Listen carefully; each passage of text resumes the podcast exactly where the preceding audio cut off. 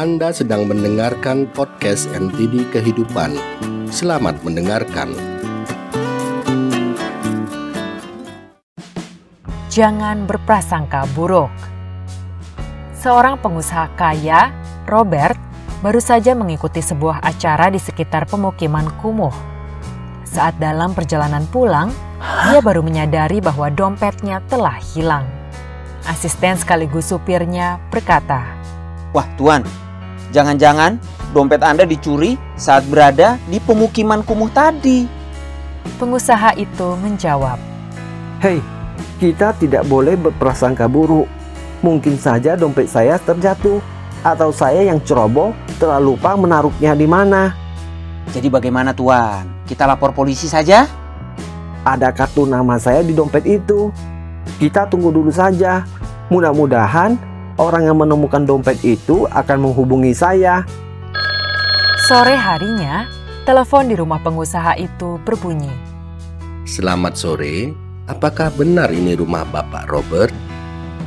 Ya, saya Pak Robert. Ada keperluan apa ya Anda menelpon saya? Begini Pak, saya tidak sengaja memungut sebuah dompet dan menemukan kartu nama Bapak di dalamnya. Jadi saya pikir ini dompet Bapak saya berniat mengembalikannya. Suara di telepon itu kemudian menjelaskan lokasi tempat ia akan menunggu si pengusaha tersebut. Oh, baiklah. Terima kasih. Saya akan ke sana sekarang.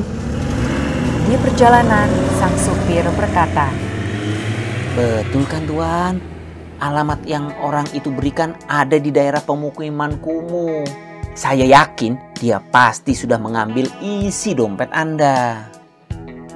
Hei, kamu tidak boleh berprasangka buruk.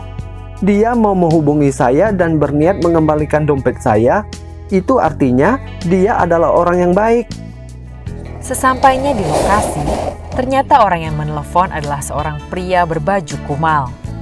Si sopir berkata, Tuan, lihat penampilannya saja seperti itu. Pasti dia yang mencuri dompet Anda. Hus, sudah hentikan omongan kosongmu. Uang di dompet saya tidak seberapa. Namun, kartu-kartu di dalamnya lebih berharga. Saya sudah sangat bersyukur jika bisa mendapatkan kartu-kartu itu kembali. Kemudian Robert pun menghampiri pria tersebut. Selamat sore, Pak. Apakah Anda yang menemukan dompet saya? Pria itu menjawab, Ya Tuan, tadi saat saya sedang berjalan, saya menemukan dompet Anda. Pria itu kemudian memberikan dompet yang ia temukan dan supir Tuan Robert langsung memeriksanya. Ternyata isinya utuh. Dia tahu kalau tuannya selalu membawa uang tunai sejumlah satu juta rupiah di dompetnya.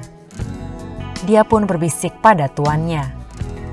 Tuan, jumlah uangnya utuh. Tuan Robert tersenyum lalu berkata, Nah, benar kan apa yang saya bilang? kamu tidak boleh berprasangka buruk. Tetapi kemudian pria ini berkata, Tuan, boleh saya minta uang? Sambil tersenyum sinis, supir berkata, Tuh, benar kan? Dia pasti mau minta uang. Saya tidak mungkin salah. Tuan Robert berkata pada supirnya, Hei, cukup. Kamu jangan bicara lagi. Tuan Robert kemudian berbalik kepada si pria.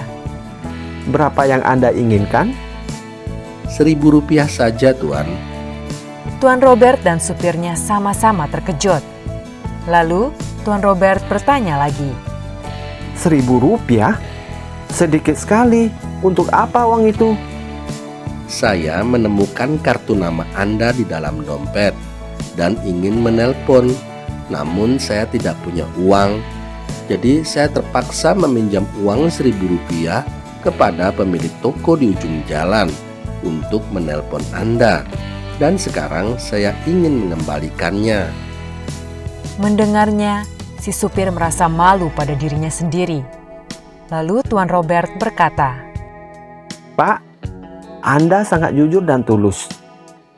Dia lalu mengeluarkan semua uang di dalam dompetnya sejumlah satu juta rupiah. Ini Pak, semua uang ini untuk Anda. Tapi tuan, itu terlalu banyak. Saya hanya perlu seribu rupiah saja. Ya, seribu rupiah adalah untuk mengganti uang yang Bapak pinjam. Sisanya adalah hadiah untuk kejujuran dan ketulusan Anda. Seringkali kita mudah untuk berprasangka buruk, curiga, dan salah paham terhadap sikap seseorang ataupun suatu hal sebelum kita terlebih dahulu mencari fakta sebenarnya. Padahal, sesuatu yang tampak buruk di permukaan belum tentu kenyataannya buruk juga. Maka dari itu, penting bagi kita untuk belajar membiasakan diri berpikir secara positif dan rasional.